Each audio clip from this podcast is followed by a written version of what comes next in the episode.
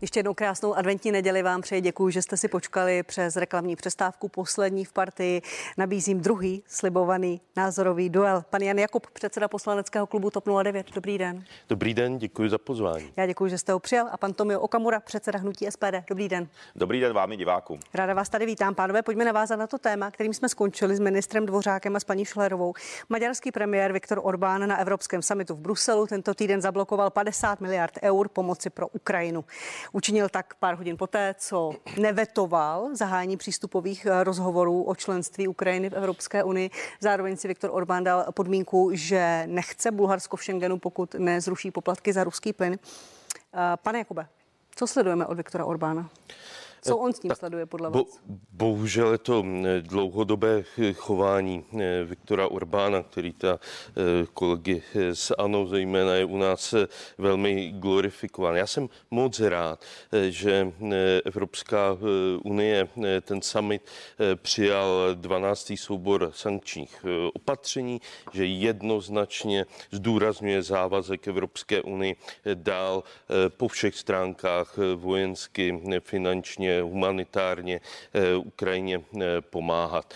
Eh, ten čas, který díky, díky vetu tady před námi je do mimořádného samitu, který by měl být patrně na konci ledna, tak je potřeba využít k tomu, aby se opravdu našla cesta. Váště vy, vymění, vymění pan Orbán uh svoje neveto nebo veto za peníze, které mu blokuje to, Evropská to unie? Já, to já nedokážu eh, posoudit. Eh, evidentně se o to snaží, aby eh, své prohřešky, to, že nedokáže dodržovat některá pravidla, na kterých jsme se všichni na evropské úrovni dohodli, on nerespektuje tak eh, teď eh, do jisté míry to využívá jako jistý eh, vydírací potenciál. To se mi rozhodně nelíbí. Děkuji. Pane, pane předsedo Okamoro, vydírá Viktor Orbán celou Evropu? Přes peníze? Já myslím, že ten přístup Viktora Orbána je velice pragmatický. My, stejně jako Viktor Orbán, klademe ohledně Ukrajiny několik otázek, na které Evropská unie, vedení Evropské unie není schopno odpovědět. Za prvé, ta země ve válečném stavu. Eh, ani tam, eh, vypadá to, že tam ani neproběhnou standardní volby. To je problém u jakýkoliv přístupových jednání. Další věc, jak velké území má být vlastně přijato do EU. Jinak rád bych řekl, že hnutí SPD proti přijetí Ukrajiny do EU. Promiňte, ale tady eh, Viktor Orbán svoje veto nepoužil, on odešel ze sálu, čili já, to usnesení já, prošlo. Já, já Mě zajímá blo, blokace, blokace peněz. Vy jste eh, řík, mluvili o přístupu jednání i, i o těch penězích. Eh, to znamená, jak velké území, když na části území je teďka pod, pod kontrolou Ruska. Jak velký počet obyvatel, kteří neustále odchází. A kdo to bude platit? Protože, a už jsem u toho, protože podle revidovaného rozpočtu Evropské unie by na tu dlouhodou pomoc Ukrajině mělo být vyčleněno 50 miliard eur eur, což je 1,2 bilionu korun. A část těchto peněz, což je asi 17 miliard euro, by měly poskytnout členské státy. Zbytek a s tím vy nesouhlasíte? Zbytek si EU chce půjčit na trzích. A teď jsem řekl to důležité slovíčko. Všechno je to na dluh, všechno je to, že si ty země musí půjčit, i Česká republika se na to půjčuje.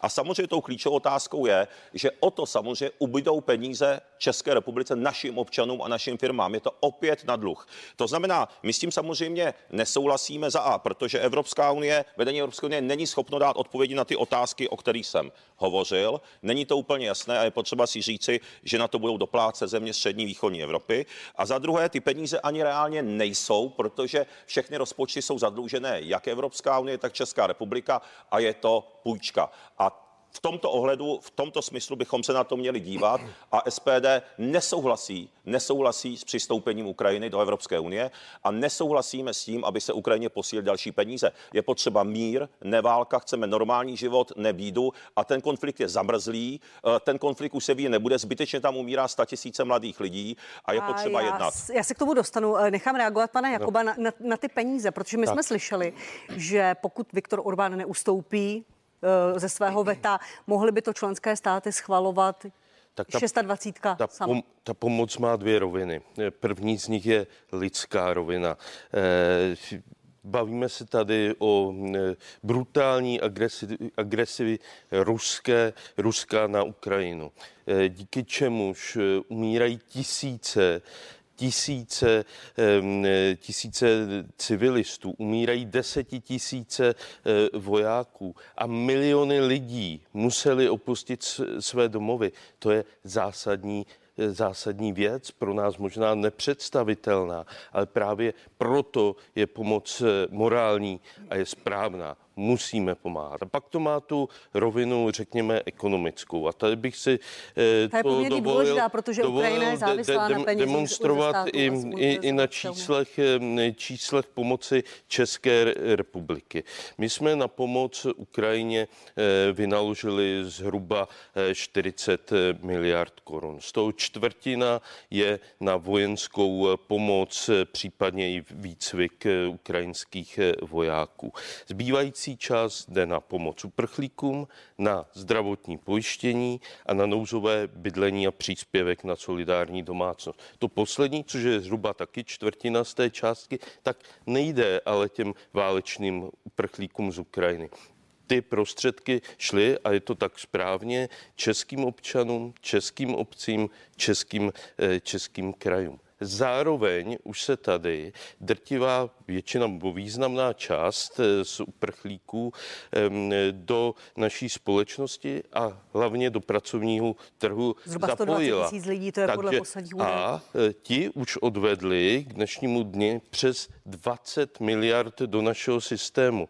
Zároveň budeme mít část těch eh, prostředků, které vynakládáme, které vynakládáme na vojenskou techniku a vojenskou Eh, pomoc proplaceny právě z Evropské unie. Zároveň dostaneme eh, tanky eh, od Německa jako dar a vrtulníky od USA. Děkuji. Když se to všechno sečte, tak ta ekonomická bilance je přibližně vyrovnaná. Spíš jsme plusu. Notabene nemluvím eh, navíc eh, o eh, českých zbrojovkách, které mají, promiňte, mají zakázky. Promiňte, jenom ať to diváci, ať to shrnu pro diváky.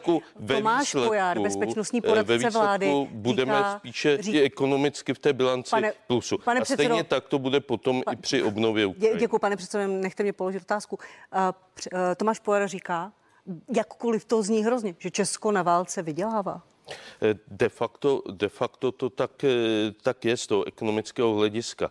Zároveň děkuju. zvyšujeme bezpečnost Rozumím, eh, na, naší země. A proto je ta pomoc naprosto zásadní. Kvůli lidským životem na Ukrajině a děkuju. kvůli pane, naší bezpečnosti. Děkuji, pane předsedo Okamuro. Vy byste už Ukrajině neposílali ani zbraně, ani žádnou finanční pomoc. Tak to mám vám rozumět.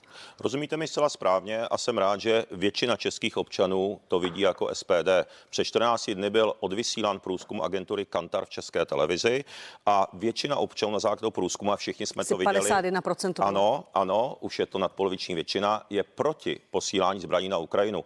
Tady bych rád zdůraznil, že SPD je jedinou parlamentní stranou, jedinou, jednou jedinou, která hlasovala vždy a byla vždy proti posílání zbraní na Ukrajinu. Takže jsem rád, že většina občanů v tomto konkrétním tématu je, eh, to, to vidí stejně jako SPD.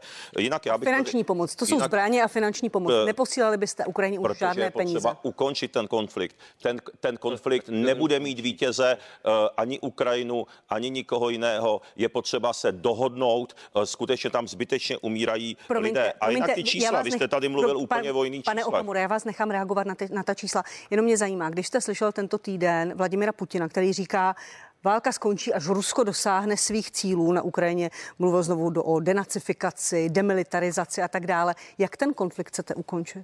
Samozřejmě ten konflikt lze ukončit už jenom u jednacího stolu.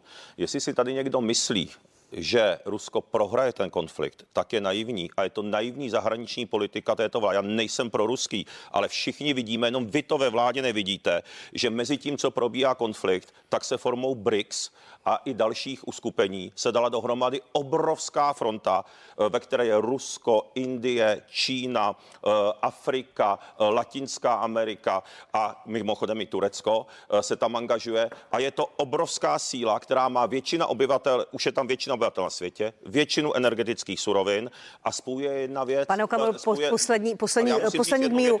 A kdo nebo co do, do, dotáhne Vladimira Putina a Rusko k tomu jednacímu stolu, kde bude do, dosažen dojednán ten mír. Bohužel, bohužel Eh, evropskou naivní politikou ujíždí Evropě vlak.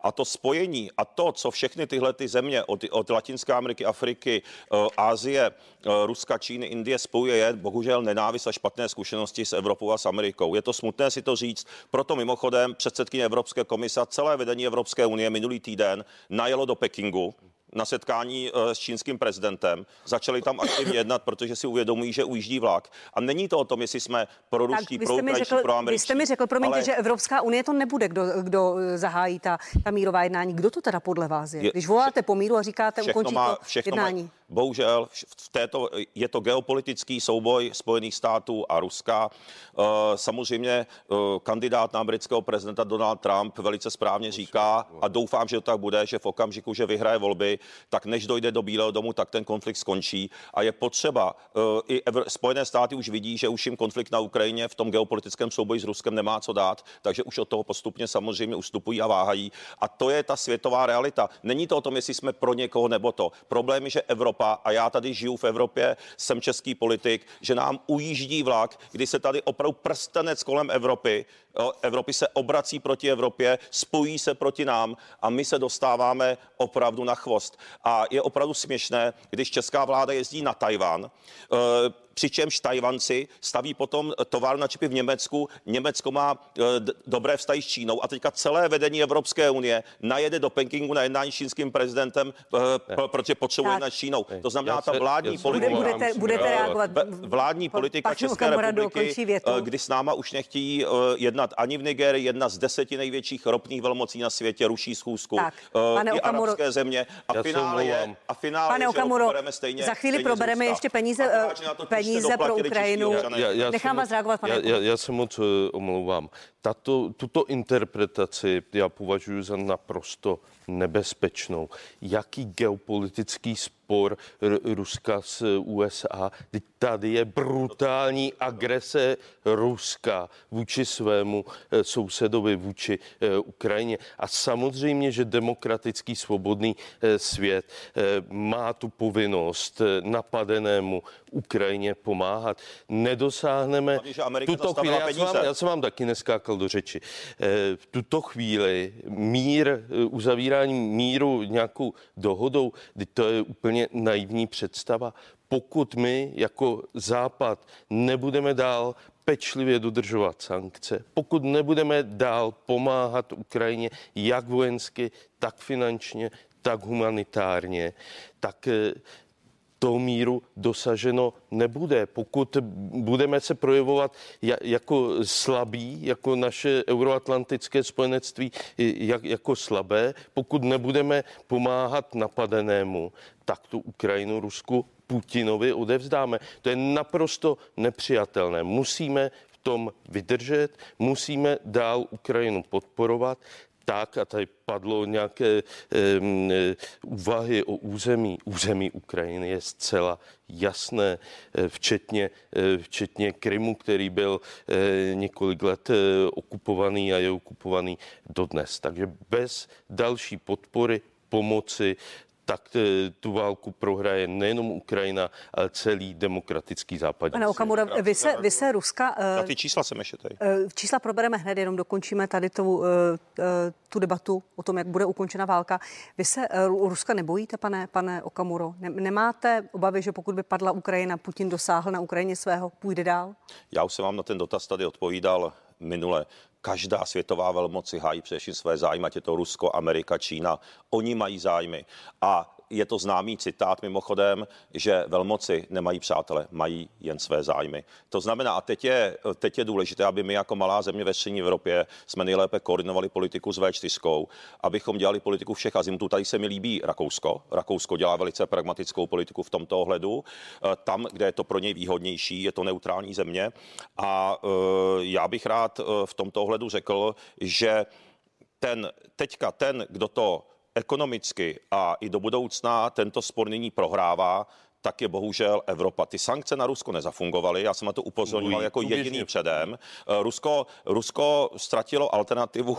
My jsme vlastně Rusku dali jedinou alternativu, bohužel. Eh, místo spolupráce s Evropou, i, i co týče surovin a další spolupráce, tak jsme nahnali Rusko do spolupráce s největšími velmocemi typu Čína, s nejlidnatějšími zeměmi typu Indie, Brazílie a, a dalšími, a dalšími ze, eh, zeměmi z celého světa, i co týče arabského světa. Pane Okamuro, uh, promiňte, neodpověděl jste mi na tu otázku.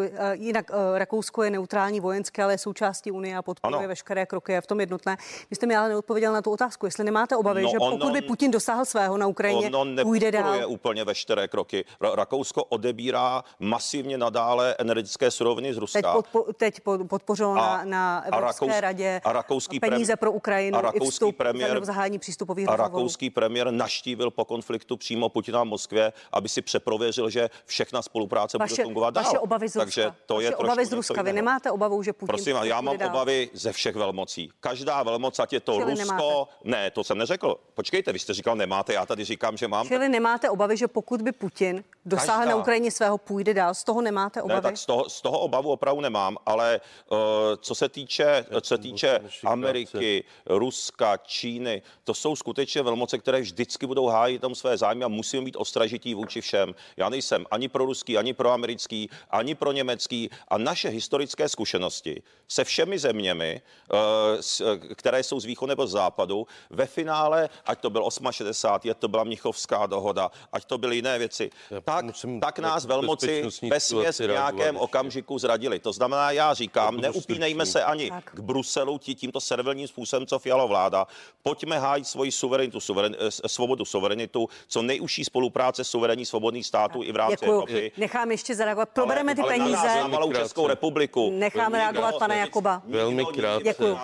Já, já, já na rozdíl od pana Kamury jsem pro evropský jsem pro Počkejte, americký. My jsme pro evropští, ale nejsme pro unijní. Můžete mě nechat ale mluvit. Lhát, pane předsedo, ne, ne. protože my tak. jsme pro evropští a naopak Evropská unie je proti pro, Prosím, abych mo- mohl budete, zareagovat. Budete pokračovat. Bez toho, mi do toho pan kolega, Pane Okamuru, prosím, já vám dám po každé skákal. slovo, budete reagovat. Takže já opakuju, já jsem pro evropský, podporuji Evropskou unii, jsem pro americký, podporuji naše spojenectví. Není pravdou, že velmoc jako USA by neměl spojence. Má spojence, je to desetiletími ověřený fakt a já jsem šťastný, že jsme e, součástí NATO. Jsem velmi rád, že naše vláda rozhodla o tom, že konečně budeme dodržovat naše závazky, které v NATO máme a budeme do našeho obraného systému společného investovat. A stejně tak považuji za klíčové bezpečnostní, a to tady pa, padá to riziko. Já jsem velmi rád, že už nejsme závislí na ruském plynu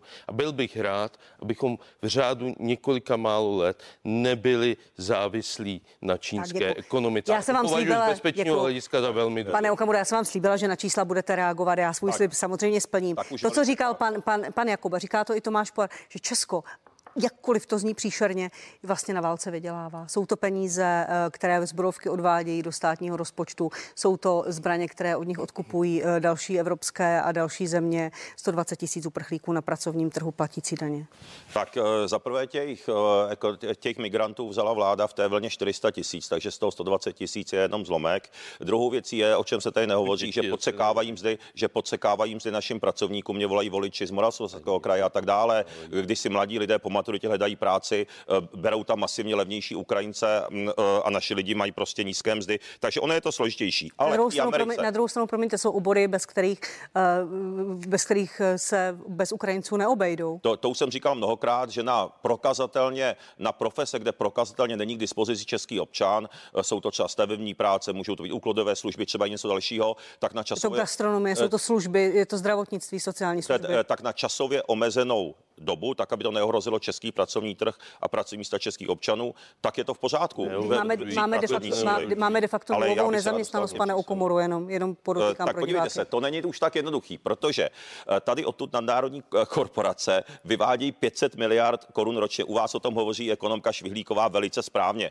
To znamená, my se taky musíme podívat na to, jak je skutečný přínos. Zaměstnávají tam spoustu zahraničních dělníků, eh, s kterými jsou potom občané velmi nespokojení s bezpečnostní situací třeba v Plzeňském kraji. To určitě určitě víte. Není to tak jednoduché, je to na hlubší analýzu, ke které se tady v pořadu nedostaneme. Možná chtěl, uděláme chtěl, další jste mluvit pořad. o těch, promiňte, chtěl jste mluvit Amerika. o těch číslech. Ne, vy jste chtěl mluvit o těch ano, číslech. Promiňte, moje otázka směřovala tam. Ano, já řeknu čísla.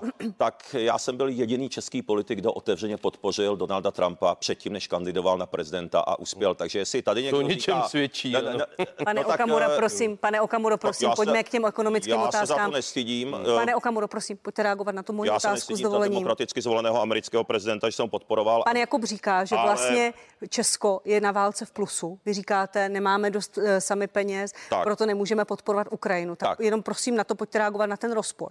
Uh, Moment, tak eh, teď je otázek je spoustu. Já, bych já jsem mi položila. Já bych se k tomu rád dostal. Ne, pojďte se, co týče Ukrajiny, tak na to skutečně na tu podporu peníze nejsou. Jako nejsou na to podporu. Eh, dneska podle statistik je, teď to tady všichni vidíme, jsou je to ČSU, jsou to sociologický ústav Akademie věd. Každý třetí občan České republice je na nebo pod hranicí chudoby, je to 3 miliony lidí. A já jsem tady pro české občany. Pro mě je český občan na první místě, pro vás Ukrajinec to tady slyšíme. Ale pojďme dál. Já jsem byl jediný politik, který už před, před minulé volební období volal po diverzifikaci zdrojů pro Českou republiku. Nikdo jste mě neposlouchali, aby jsme nebyli závislí právě na jednom zdroji. No takže to je určitě správně.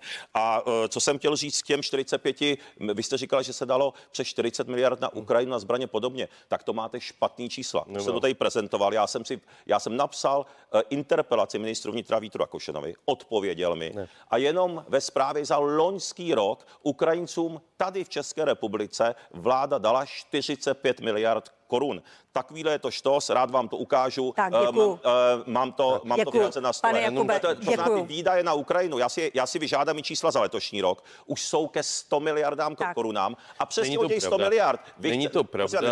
do řeči, pane Okamuro, prosím, pane, pane Okamuro, děkuji moc krát.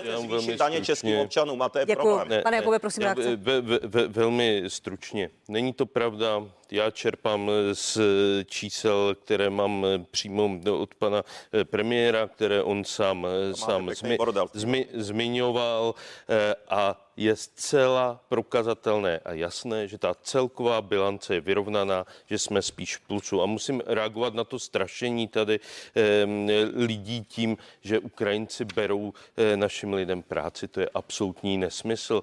Tady vlastně existuje jenom přirozená nezaměstnanost. Eh, ta míra nezaměstnanosti je něco málo přes, eh, přes 2%. A my potřebujeme, eh, abychom měli eh, více lidí na trhu práce, aby se ten trh rozhýbal. Lidé, lidé chybí ve spoustě oborů. Zeptejte se jakéhokoliv podnikatele. Všichni mají problém s tím získat lidi. Takže to je pro ekonomiku jenom dobře. A rozhodně váleční uprchlíci z Ukrajiny nekradou práci našim lidem. Jedna věta, pana Okamuru, pak půjdeme dál pracovní síly na místa, kde nejsou dispozice český občany, ano, ale vy vůbec nemluvíte o zvyšování mest. To je pro SPD důležité, protože my chceme, aby Češi měli co nejvyšší platy, aby jsme se blížili Rakousku a Německu. Vám je to jedno. A, a ještě k těm Ukrajincům, pardon. Ne, ne. proto, když bude fungovat no, počkejte, trh práce tak, tak, jak má, tak porostou i mzdy. Děkuju. Děkuju mnohokrát. Úplně jste opomenul tu tabulku, kterou mám z ministerstva vnitra přímo od ministra Rakušana. Prudký nárůst kriminality Ukrajinců. Počkejte, prudký nárůst kriminality Ukrajinců a cizinců v České republice republice. To je mimochodem taky problém. A jsou tady nevinné české oběti. Tak děkuji mnohokrát. Oficiální tabulka. Pro, to zásadně ale říkal jste, to neskákejte mi do řeči. Tak pánové, děkuji mnohokrát. Eh, Teďka s dovolením neskákejte do řeči mě. Pane Okamuro, děkuji. Což je taky problém. Teď s dovolením neskákejte do řeči mě. Přejdeme k domácí politice, k ekonomice. Eh, za pár dní, na, na začátku nového roku, začne platit takzvaný konzolidační balíček. Jsou to zákony, které zvyšují daně, zvyšují příjmy státního rozpočtu. Pane Jakube, dnes je výročí vlády. Dvouleté výročí vlády byla jmenovaná 17. prosince před dvěma lety. Eh, když vezmeme v potaz, jak je vláda nepopulární, jakou má malou důvěru, velmi malou důvěru, eh, naposledy měla takto velmi malou důvěru vláda Petra Nečase, velmi neoblíbená vláda. Eh, jak to chcete veřejnosti dál vysvětlovat? Začnou platit velmi nepopulární opatření, která budou mít dopady do rodinných rozpočtů. Tak má to několik e, rovin.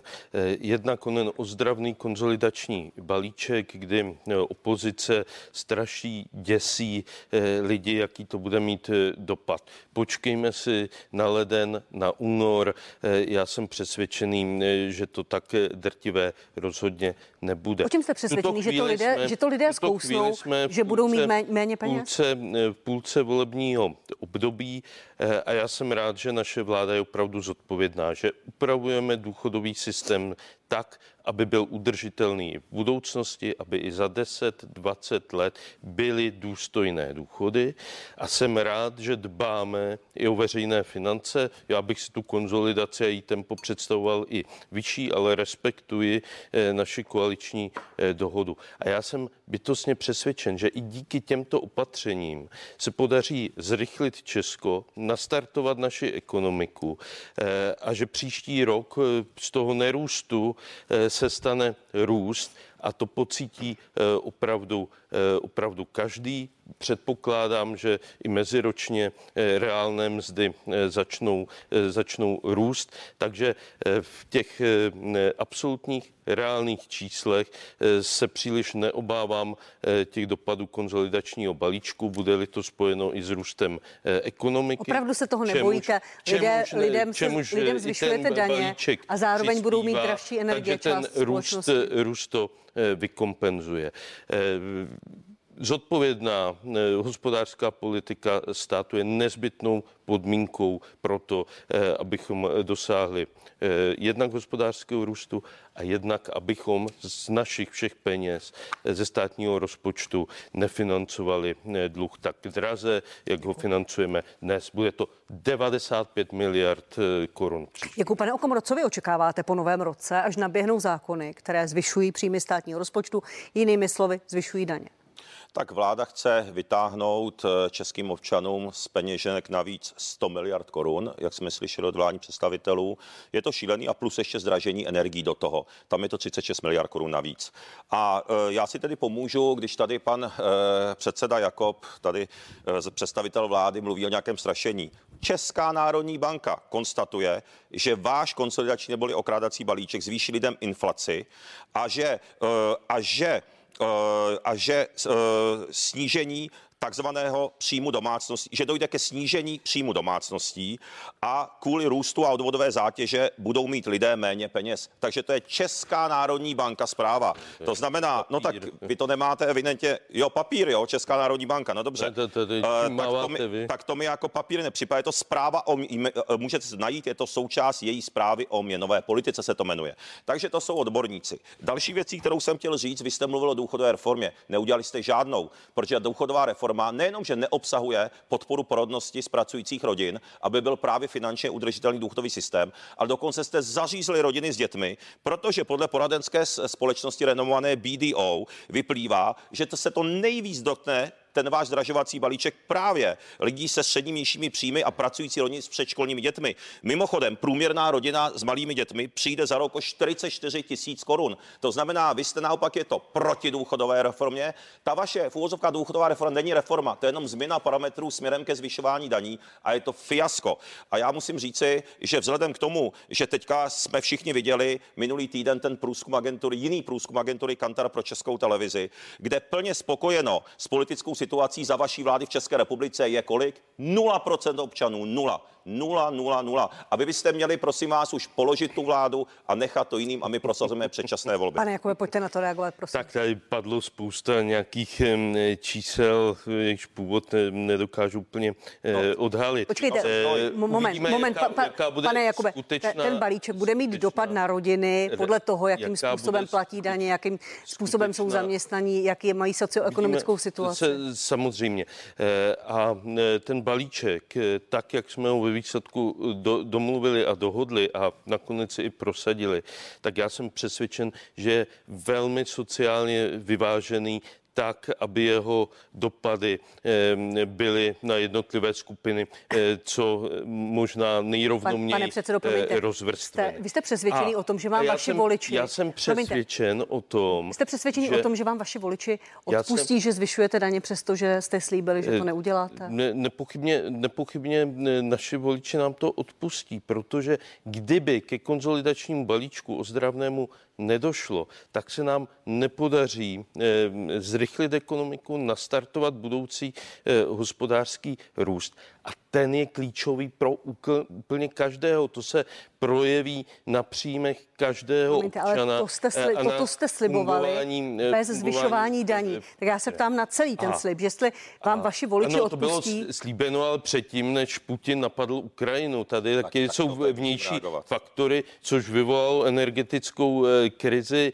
Eh, samozřejmě taky na, naše ekonomika je poměrně malá, otevřená, tudíž závislá zejména eh, na, na tom, jak funguje německé, německé hospodářství. To jsou vnější vlivy, které nelze, nelze odestát. A pevně si stojím za tím, že odpovědný přístup je nejenom příslibem, ale cestou k tomu, aby v budoucnu naše země prosperovala. A to je to nejdůležitější. Nemůžeme žít pořád jenom na dluh. To prostě jednou se jenom, nám nevyplatí. Jenom poznámka, vidíme, jenom, jak, jak roste jenom obsluha jenom, státní. Jenom poznámka, strukturální deficit zůstane miliard. i po naběhnutí konzolidačního balíčku de facto stejný. Pane Okamurovi, no, vládu... Kdyby nebyl, tak by dál rostl. Pane Okamurovi, vládu kritizujete za to, že eh, zvyšuje daně, ale zároveň byste chtěli vyšší, vyšší výdaje. Není to úplná politická schizofrenie a opoziční retorika, která pak ale nemá s tou ekonomickou realitou nic společného. Tak já vím, že ty jste mi dala tu uh, otázku tak, abych uh, na to mohl krásně odpovědět, že sama víte, že vyšší výdaje nenavrhujeme, ale hned se k tomu dostanu. Promiňte, v pozměňovacích návrzích, které, které byly ale desítky, zároveň, tam jste zvyšovali výdaje. Ale zároveň řekněte B, protože my zároveň říkáme, že se mají škrtnout peníze Ukrajině a Ukrajincům. Nula už, už to stačilo, ta přiměřenost byla překonána. Zároveň už jsme, říkáme, už jsme si řekli, že to nemá neskákejte mi do řeči. No tak ono 100 miliard, no, no, 40 uh, předražené stíhačky přes 100 miliard jenom na obranu. My jsme pro modernizaci české armády. bezpečnosti naší Počkejte, neskákejte. My jsme pro modernizaci české armády, říkáme to od začátku, ale ne, že se hlava nehlava utrácí a zvyšují se výdaje o 40 miliard a musíme na to hlavně mít. Jako to znamená, když nám nabízí Švédové modernizaci Gripenu násobně levněji, tak jsme měli na Gripeny a tak dále. Ale pojďme dál. Eh, Ministrině obrany říká, že by to levnější nebylo. Co se týče těch ceny energií, no tak ministrině obrany paní Černochová, ty tady vůbec kompetentní zbrojní průkaz si udělala před dvěma rokama. Eh, tak te, já ho mám třeba 20 let, takže ta vůbec neví, jak fungují zbraně. Prosím vás, to je úplně k smíchu. Ale prosím vás, Promiňte, jenom já se, já se, jste osob... Já se ale vůbec nemůžu dostat. Tady pan eh, předseda jako vede monolog, tak bych vás poprosil, paní Topánková, abych i já ve své odpovědi mohl plynule. Budete v ní pokračovat, ale na druhou stranu skáčete si do řeči jeden vzájemně druhému. Tu no, diskuzi to velmi znepřehledňuje. Tak, uh, tak a já bych jenom rád, co týče ceny energii, přestaňte, prosím vás, to už vám nevěří snad většina občanů, už jak jsem tak koukal na ty průzkumy. Ceny energií a ta drahota není kvůli konfliktu na Ukrajině, protože podle Evropského statistického úřadu Eurostat průměrné ceny energií v České republice za za uplynulé období, co jste u vlády. Je to jediná země ve střední Evropě jsme, která má vyšší ceny energií než je průměr Evropské unie. To znamená, neboli ostatní země se s tím dokázali vypořádat i okolo nás a jenom vaše vláda se s tím vypořádat nedokázala, proto říkám, že je nejhorší v Evropě. Pokles malobchodní tržeb. Vy říkáte o rozpočtu konsolidace. Teď vy necháváte utíkat kvůli drahým potravinám, které jste nezajistili. Necháváte utíkat české peníze na nákupy do jiné ekonomiky, do Polska konkrétně. Místo, abyste upravili cenu potravin potravin tak a doufám, že se k tomu tématu dostaneme. Aby ty peníze, přeci známe snad základy ekonomie oba dva, aby ty peníze, kteří se, které se generují v České republice českými občany a firmami, aby pokud možno ty občany a firmy utráceli zpátky do české ekonomiky. Vy necháváte vyvádět ven rekordní pokles mal, maloobchodní trže v České republice o 7,5%. To víte, dokonce nejvyšší v Evropské unii. A děkuji, pane Okamuru. Pojďme z časových, pojďme z časových důvodů, pojďme prosím se zdržet u potravin. To je téma, které lidi teďka velmi zajímá. Obchodní řetězce řekli, že nepromítnou zvednou nejprve snížené DPH do ceny potravin, že naopak je zvednou, teď říkají něco jiného. Co čekáte vy, pane Jakube, po novém roce? Eh, tak já pevně věřím, že ke zdražení potravin po novém roce nedojde. Ty náznaky už, už vidíme. Ale já bych se rád dostal k podstatě toho problému. Jestli někdo říká, že má zázračný proutek a udá nějaké opatření, aby se snížily ceny potravin, tak, tak věší lidem bulíky na nos. Ten problém zcela evidentně není v nákladech a teď už je jedno, kde v té struktuře, jestli jsou to výrobci, zpracovatele nebo obchodníci. Máme-li to srovnání s Německem, tak nikdo nemůže popřít, že by, že by tady měly být snad vyšší náklady, ať už mzdové nájmy, e, energie, v úhrnu rozhodně ty, ta nákladová část je u nás nižší než, než v Německu. Kdo, pro, promiňte, v té potravinové problém, vertikále, kdo, kdo, kdo ten problém, nejvíc zdražuje a bohatne? Ten, takže ten problém spočívá v tom, a nakonec to řekl před časem e, i Úřad pro ochranu hospodářské soutěže, že nemáme, e, nemáme na těch jednotlivých úrovních, a zejména se jedná tedy o zpracovatelskou úroveň e, a tu obchodní úroveň, tedy ty supermarkety, tak nemáme nemáme dostatečné konkurenční prostředí, že dokonce to prostředí eh, jde chápat eh, jako eh, oligopolní. A to je ten problém, který musíme, musíme řešit. To nebude trvat samozřejmě jenom pár týdnů nebo měsíců, to je dlouhodobá záležitost. Já jsem rád, že na té nejnižší úrovni u producentů, zemědělců, tak už se to prostředí, a je to vidět na, na, na, na jejich cenách, eh, tak se stabilizuje, že ten dotační systém, který tady byl dříve nastaven, který podporoval zejména eh, velké výrobce, eh, tak už směřuje spíše Děkuju. k podpoře těch malých. Děkuju. A to je zásadní věc, která se musí změnit. A já jsem moc rád za tu diskuzi, že se to vlastně stalo tématem číslo jedna a že už i ty řetězce se začaly chytat za nos, že neoblafnou veřejnost tím, že rostou nějaké... Uvidíme, jak to dopadne po novém roce, uvidíme, jaké budou ceny, věřím, nemají ceny v obchodech. zdražovat a pevně věřím, že k tomu nedojde a že dokonce dojde i k tomu slevnění. A díky obchodní řetězce, pane Okamoro, říkali, že musí zdražovat potraviny a nepromítat snížené DPH kvůli producentům, kvůli výrobcům potravin. Mají oni důvod zdražovat potraviny, když vidíme jejich zisky obchodní, které známe z těch účetních závěrek? Tak za prvé, já už jsem říkal už na podzim, že, že potraviny, to snížení DPH, to malé snížení DPH, že se neprojeví ve slevní potravin. Eh, došlo na moje slova, vláda tvrdila opak, další amatérismus. To uvidíme. Ano, to prosím vás, neskákejte mi do té řeči. Jo, vy se opravdu naučte se to už. Jo, takže uh, já bych, já bych taky tu minutu rád uh, představil naše Mají návrhy. producenti důvod tak, stražovat potraviny? Nemají, uh, ne, uh, obchodníci myslíte? Já se ptám na producent. Já myslím, že producenti naopak, co máme informace, tak i mírně výroba se zlevňuje a rozhodně se nezdražuje. Dobře. Problém jsou obchodní řetězce. A, a obchodní vlá... řetězce, promiňte, se odvolávali na to, že zdraží výrobci potravin a proto oni nemohou promítnout snížené ne, DPH. Ne, tady je problém s těmi obrovskými maržemi a od pana předsedy Jakoba jsme se nedozvěděli řešení. Tak já vám ho řeknu. Za prvé, eh, možnosti máte v zákoně o cenách. Ten vám umožňuje jak stanovení, eh, jak stanovení ceny, tak stanovení eh, cenového moratoria, to znamená na, na určitou dobu zakázat. Neskákejte mi řeči. Na určitou dobu zakázat zvyšování cen nad úroveň dosud platnou na trhu a tak dále. Druhou věc je potřeba novelizovat zákony a to už jste dávno mohli předložit, aby mohla vláda silnějšími a lepšími nástroji sledovat nepřiměřené marže. V Rakousku k tomu mají speciální aplikaci, kde se sledují vybrané výrobky a pak se to sleduje podrobně. To znamená větší pravomoci antimonopolnímu úřadu, České obchodní inspekci, státní zemědělské inspekci, zdali nedochází ke zneužití tržní síly a tak dále. Současně mimochodem, vy jste mluvil o tom antimo, eh, antimonopolním úřadu, úřad na ochranu hospodářské soutěže. Já když jsem poslouchal pana Mlsnu předsedu, tak vidíte, jak ten zákon je nedokonalý nebo špatný, že prý můžou šetřit až v okamžiku. První předpoklad je, kdy musí mít dominantní, dominantní soutěžitel na relevantní trhu 40%, 40% podíl. Já bych to snížil, je to moc vysoko. Takže on se vlastně vymlouvá, že v úvozovkách, že úřad nemůže konat. Takže to jsou všechno, musí být předměty těch novelizací. Opět, eh, že druhý předpoklad je ze... Děkuji, pane Okamulo, jenom z časových důvodů. A já jenom poznámku, že největší, eh, největší fúzi potravinářů eh, povolil u úřad na ochranu hospodářské soutěže pod vedením pana Peciny. Nicméně, já velmi stručně ke, ke dvěma aspektům. V jedné věci se možná překvapivě shodneme, naprosto souhlasím, že pravomoci úvodců je potřeba rozšířit a že musí fungovat lépe a efektivněji. Ale musím reagovat ještě na, na, na tu cenotvorbu. Já bych se opravdu nerad vracel před eh, listopad roku 89. Stát není od toho, aby diktoval, eh, diktoval ceny.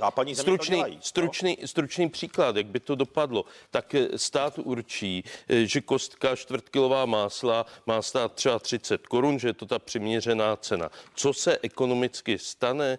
To, že z másla se stane podpultovka, nebude ho dostatek na trhu, lidé si nebudou moc koupit máslo. Promiňte, ale budou Francie, muset, budou muset, ve Francii budou jsou takto muset, zastropované mě, desítky, stovky budou, základních potravin. Budou muset ano. nakupovat substituty, sádlo, margaríny. Počkejte, a to se ve Francii vůbec stoupne, neděje. Ale po nich de... stoupne, já vysvětluju ekonomickou podstatu, já vím, jak ale by proč to, to ve Francii šlo a u nás by to nešlo? Ne, nechte mě prosím domluvit. Budou nakupovat eh, substituční zboží, tedy margaríny, rostliny. Ale já vám promiňte, já vás nenechám domluvit, protože vám říkám, že toto se ve Francii třeba neděje. protože po nich poroste nabídka, tak tyto komodity naopak budou dražší. Máslo nebude, bude Pane Jakube, promiňte, slyšel jste můj protiargument. Ve Francii se vláda dohodla s výrobci a s obchodními řetězci na stropu pro základní potraviny. Máslo je tam normálně k dostání, obrovská nabídka.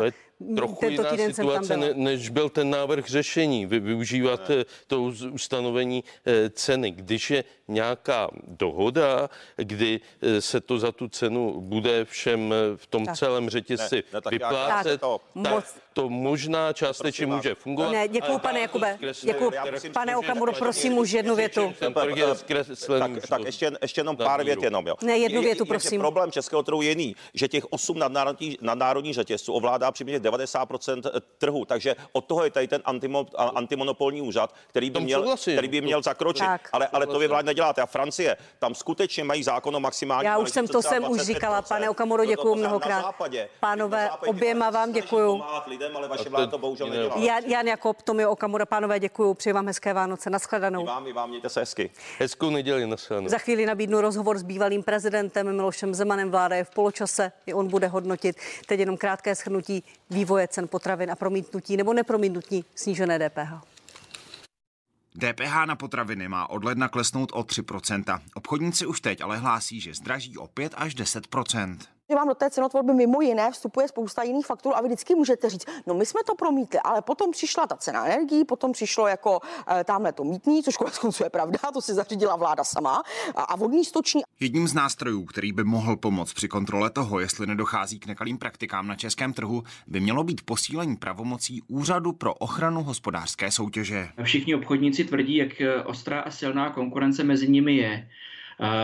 Pan Prouza, prezident svazu obchodu, říká, že je to cenové následování.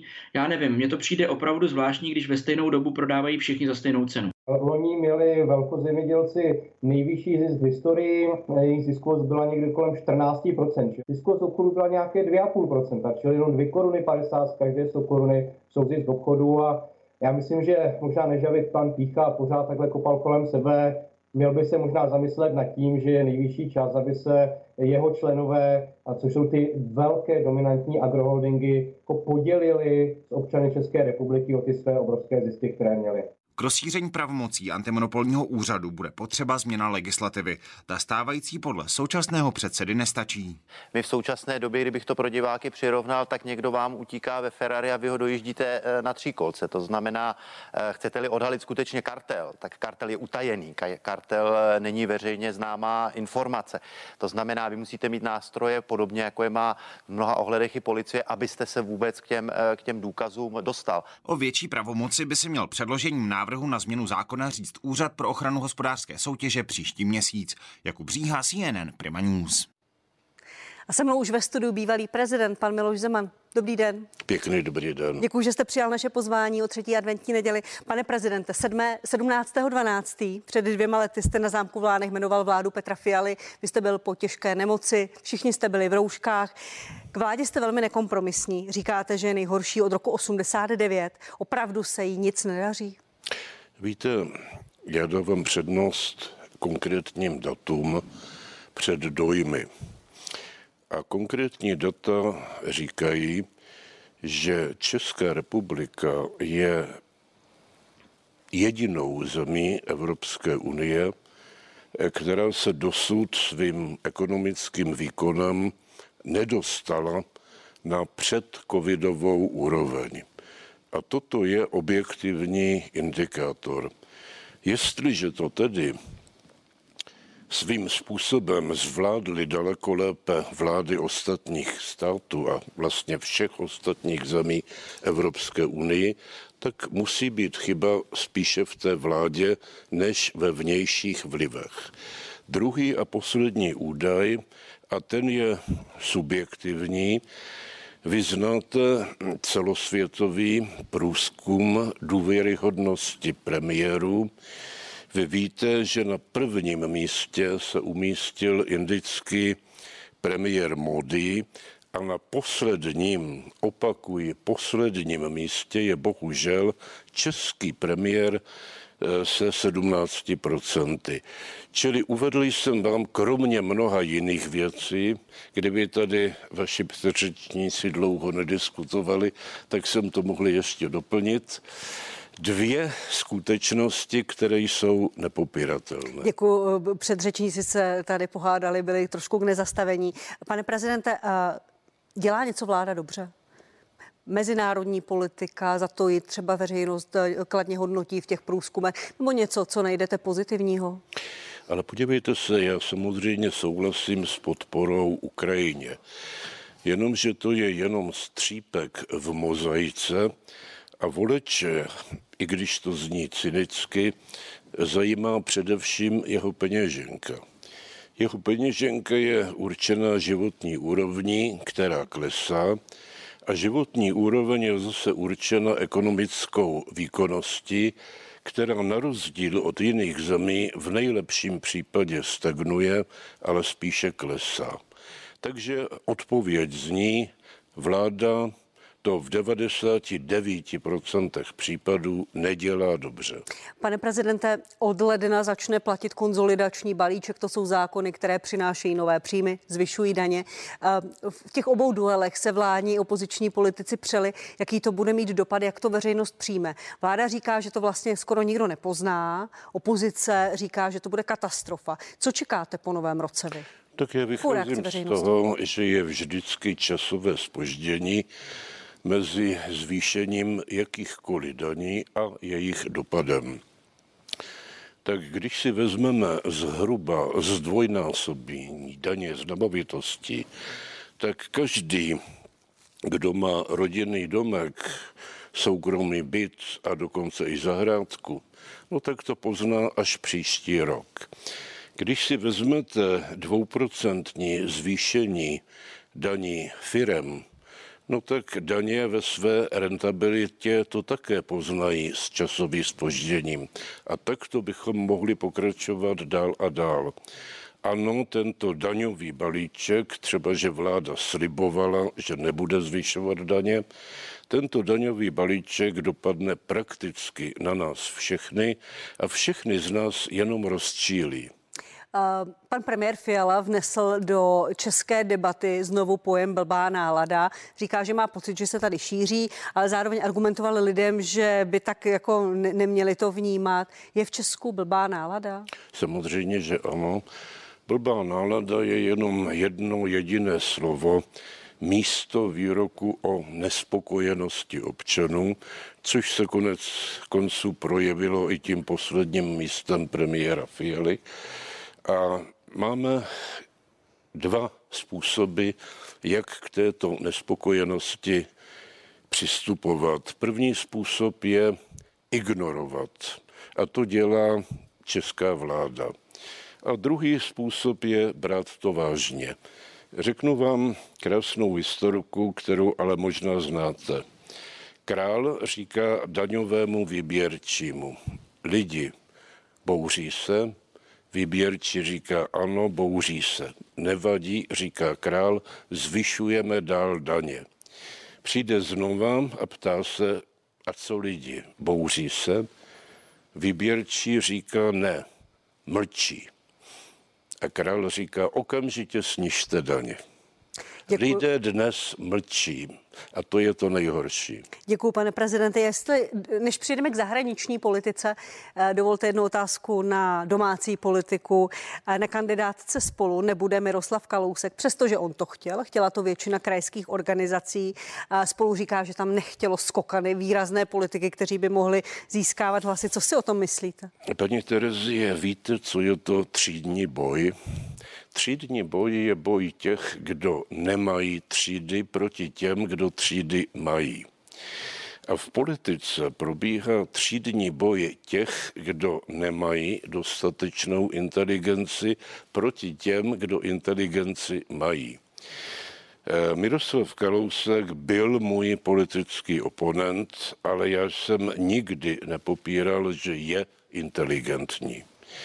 No a v politice existuje jako všude jinde závist. Takže když jste obklopeni závistivými nulami, jak s oblibou říkám, tak se snažíte tyto nuly překonat a naopak tyto nuly se vás snaží zničit. V TOP 09 se to povedlo těm nulám. Ale víte, co je zajímavé, a to není jenom věc TOP 09. Kdyby paní Pekarová byla inteligentní, tak odsune Miroslava Kalouska do Bruselu a tím se ho zbaví v domácí politice. Ona mu místo, místo toho nabídla místo v Senátu, tedy v domácí politice, Ovšem Senát je tak trochu odpadkový koš české politiky, odkladiště neúspěšných politiků. Ne vždy a Miroslav Kalousek řekl, že stejně do Senátu kandidovat nechce. Tak. A proč se otec strany, výrazný politik, tak to rozchází se svojí partají. Udělal ve zlém. Udělal jste to vy, je to váš případ Václava Klauze z ODS a teď vidíme Miroslava Kalouska topky. ale já jsem tam na to částečně odpověděl, takže tu odpověď ještě doplním. Podívejte se, Víte, že při sestavování eurokandidátky koalice spolu se ozval hlas zabránit skokanům. Vy víte, co to je, takže pro vaše diváky zabránit tomu, aby někdo preferenčními hlasy přeskákal ty druhé oficiálně nominované. To je tak neuvěřitelná ubohost, paní, te, eh, paní Terezie. Oni se bojí vyloženě bojí, že bude někdo úspěšnější než jejich oficiální kandidáti. To je ta česká závist, o které Karel Kryl říkal, že Česko je země závisti. Děkuji. Jak jsem slibovala k zahraniční politice, na konci týdne se konala přelomová eh, Evropská rada v Bruselu. Veškerou tu pozornost na sebe strhl Viktor Ormán, nevetoval zahájení přístupových rozhovorů, odešel na kávu, pak ale vetoval finanční pomoc Ukrajině a dává si podmínky podmínky ohledně ruského plynu eh, směrem k Bulharsku, aby mohlo být v Schengenu. Co podle vás Viktor Orbán sleduje? No, sleduje především to, a to všichni víme, aby Evropská unie uvolnila zablokované miliardy eur ve prospěch Maďarska. To je naprosto pochopitelný a dokonce rozumný cíl. Pokud jde o pomoc Ukrajině, tak já bych řekl, že přístupové rozhovory budou trvat velmi dlouho, takže tím, že odešel, nic neskazil a nic nezískal. Ale důležitá je ta finanční pomoc, která se tímto zablokovala nejméně do ledna, což koreluje i s rozpaky amerických republikánů o finanční pomoci Ukrajině v americkém kongresu.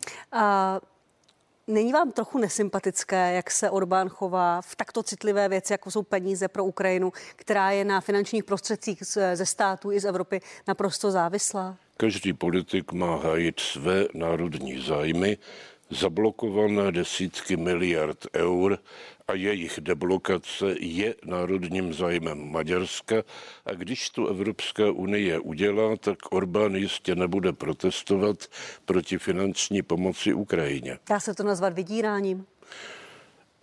víte, v politice nepoužíváme z pravidla tak drsných slov, říkáme tomu rovnováha zájmu. A ke Slovensku, jestli dovolíte. Eh, Robert Fico je pod silnou kritikou opozice, ale už i Unie, která má údajně eh, obavy o rychlost těch eh, opatření, která tam Fico pro, prosazuje, pan premiér. Jak vy se díváte na to, co se tam děje? No tak to, že opozice kritizuje vládnoucí strany, je naprosto pochopitelné. To je dokonce její pracovní náplň. A z tohoto důvodu si myslím, že každá vláda, která přichází, dělá určité změny, No a opozice proti těmto změnám protestuje. Vy jste to viděla poprvé?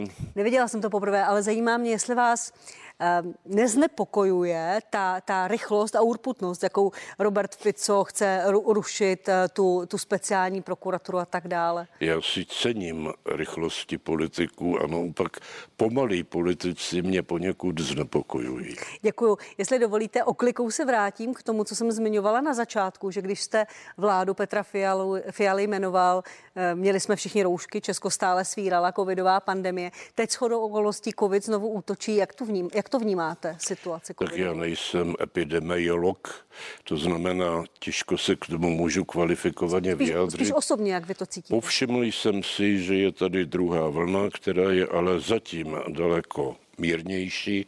Povšiml jsem si, že je tady nová vakcína, která na rozdíl od minulosti dorazila včas a brzo.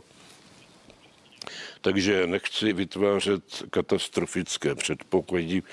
Myslím si, že to bude podobně jako u jiných respiračních chorob vlna, která odezní a přejde. Jak vy to máte osobně? Jste na sebe opatrnější, co se týče covidu a nákaz teď?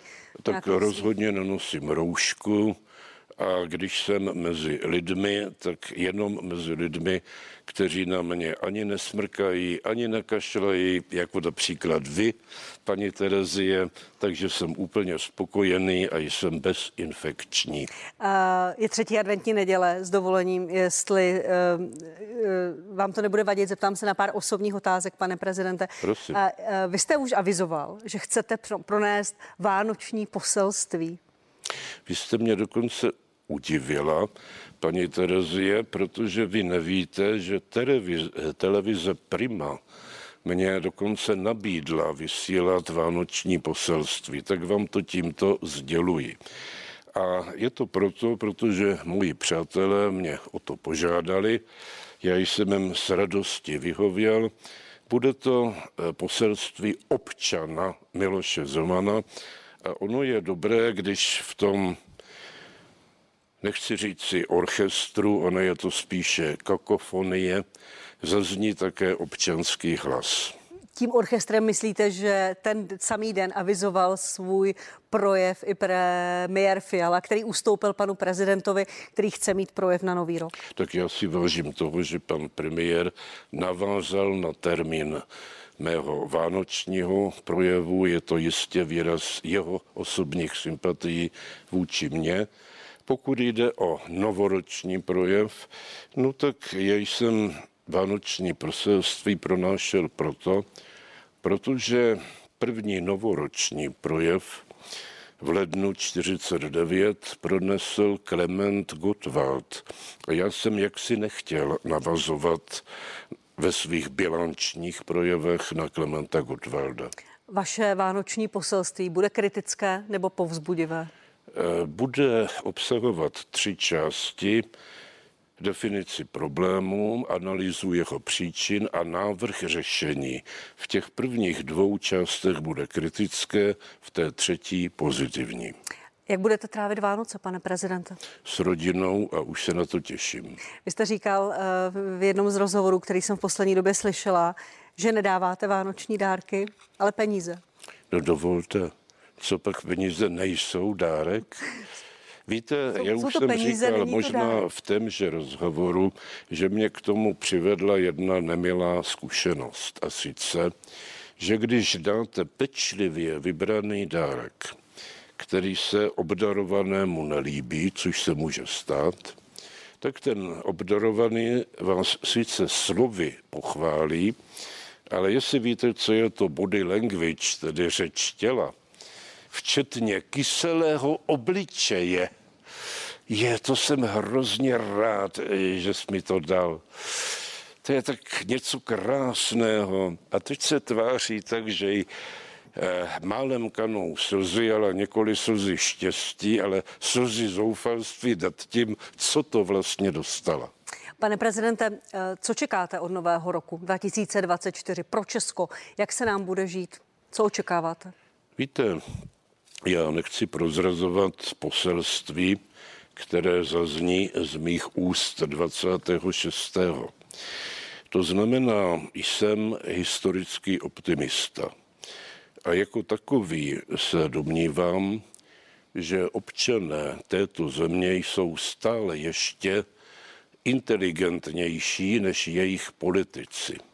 Bohu dík pro občany, bohužel pro politiky. To je můj optimismus. Pane prezidente, děkuji vám, že jste byl hostem partie. Bylo mi potěšením a možná, že se uvidíme toho 26. Děkuji. Takto veřejně přesto hezké Vánoce. Hezké Vánoce. I nový rok.